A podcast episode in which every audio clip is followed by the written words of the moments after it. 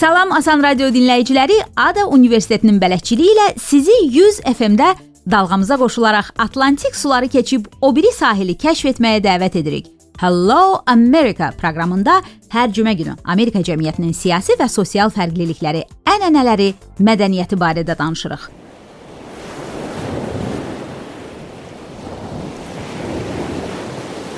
Bakıda son günlər müşahidə olunan külək çimərlik sevərləri sahildən soyudub. Amma bu hava şəraitinin arzusunda olanlar da var. Açıq sularda küləyin yaratdığı dalğanı tutub lövhə üzərində onu ram edənlər, saatlarla, hətta günlərlə gözlərini sulara zilləyib küləyin gətirdiyi dalğanı gözləyirlər. Gördükdə isə surfs up, dalğa var, bağırıb sulara doğru yürüyürlər.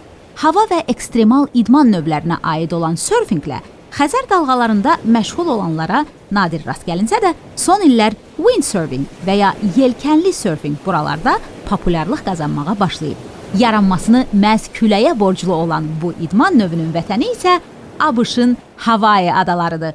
Bu su idman növü ilə Amerikada məşğul olanların sayı 2 milyon yarımdır. Yəni əhalinin 1%-i belə deyil. Lakin surfing idman növünün yaratdığı mədəni kult Birləşmiş Ştatların sərhədlərini çoxdan aşıb. Bu gün Amerikanın surfing mədəniyyətindən danışırıq.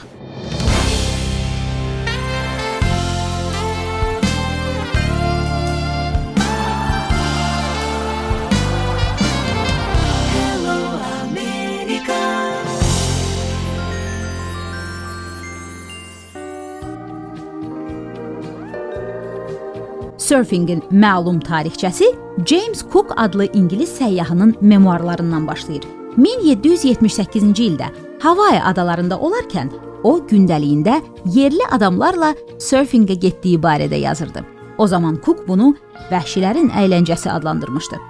Üstündən 100 il keçdikdən sonra jurnalist kimi işləyən Jack London və Mark Twain Sakit Okean adaları ilə tanış olarkən bu maraqlı idmanı özləri üçün kəşf etmişdilər və hekayələrinə köçürərək onu dünyaya ilk dəfə tanıtmışdılar. Surfing sözü yəni səthin üzərində qalmaq 20-ci əsrin ortalarında istifadə olunmağa başlayıb. Ona qədər bu əyləncənin adı Havay adalarının Polineziyalı əhalisinin dilində He'enalu, dalğalarla vəhdət adlanırdı. These pounding, roaring breakers are as noisy as a four-motored airplane and almost as fast. You're riding high when you ride the surf off Hawaii. ABŞ Sakit Okean adalarını ələ keçirdikdən sonra 1930-cu 60-cı illərdə bura turizm axınının artırılmasına səy göstərdi. Beləliklə, surfing daha geniş kütləyə təqdim edildi və bu idman növü ilə məşğul olanların sayı 500-dən 150 minə çatdı.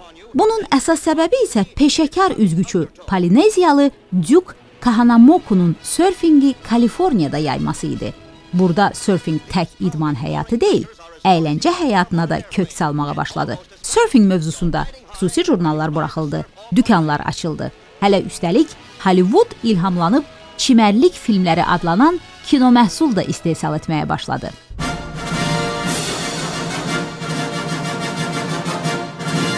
Hollywood bildisə, bütün aləm bildi surfingi cəlbedici həyat tərzi kimi təqdim edən kinematoqraflar 1960-cı illərdə bu mövzuda 70 romantik komediya çəkdi.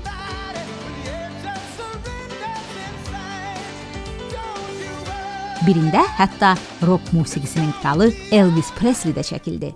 Blue Hawaii, Mavi Hawaii adlı filmdə Elvis surfinglə məşğul olan cazibədar turist bələdçisini oynayır. Rushing But I can't help falling in love with you. Shall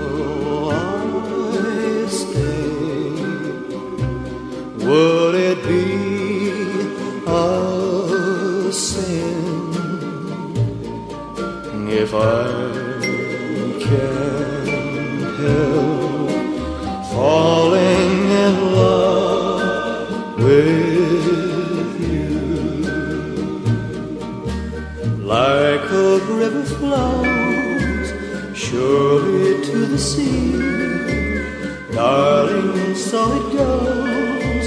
Some things are meant to be. Take my hand, take my whole life too, for I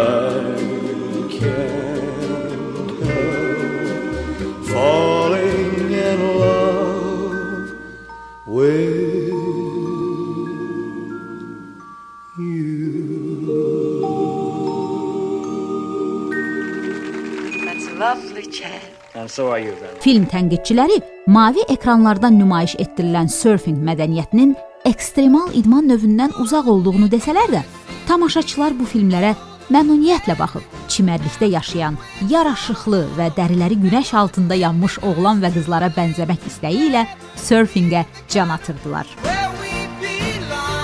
Lakin surfing mədəni kultunu Amerika sərhədlərindən kənara yayan şübhəsiz musiqi idi.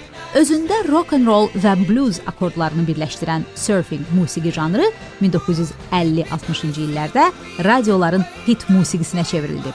İlkin mərhələdə daha çox instrumental olan musiqi bu janra özlərini ithaf edən musiqi qrupları sayəsində çeşid-çeşid albomlara döndü. 60-cı illərdə yaradılan The Beach Boys qrupunun mahnıları bu idman növünün az qala himninə çevrildi.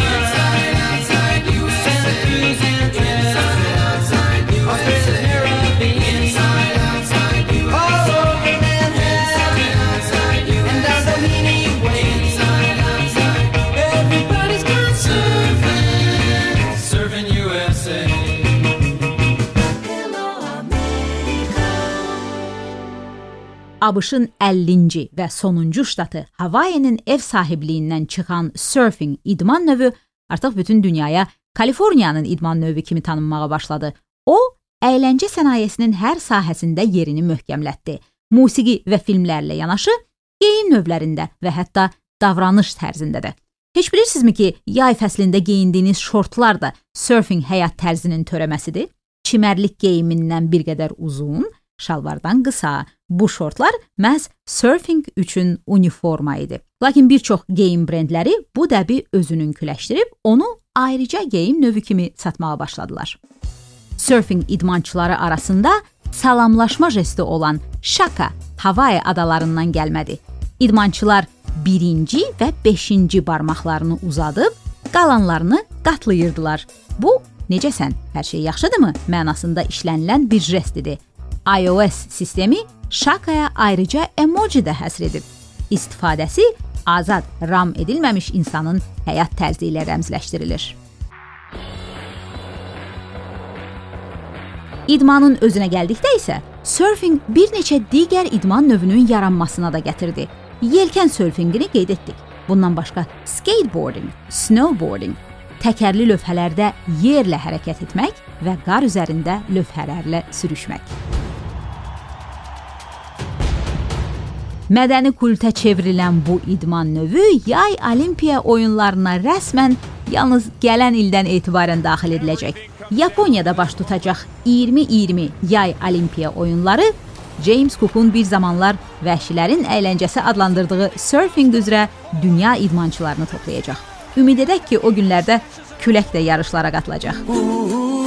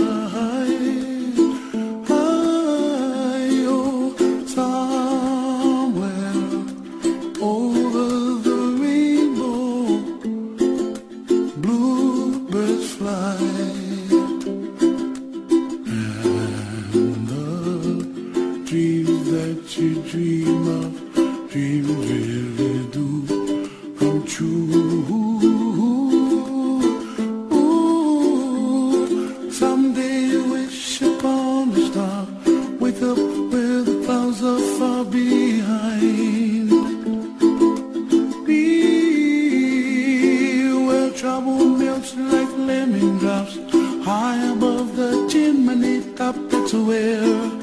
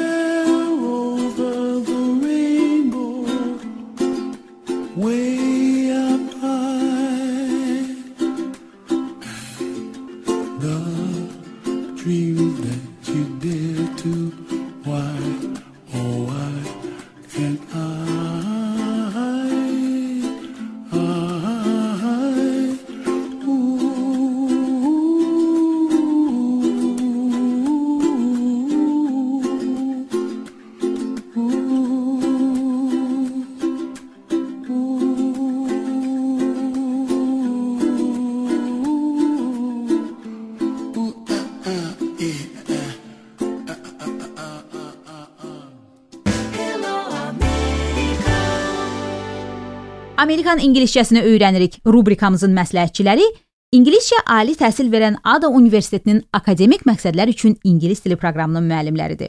Bu dəfə azad ruhlu həyat tərzi ilə müqayisə olunan surfing idman növü barədə danışdıq. İngiliscə planlaşdırılmayan azad həyatı tərcih edənlərə deyirlər. Goes where the wind blows. Goes where the wind blows. Hərfi tərcüməsi külək əsən tərəfə gedir. Azərbaycanca başım hara, ayağım da ora ifadəsinə bənzəyərək. Goes where the wind blows. Yayın sonuna az qaldı. Mövsüm küləyi sizi yalnız xoş yerlərə aparsın. Hello America növbəti cümə gününədək sağollaşır.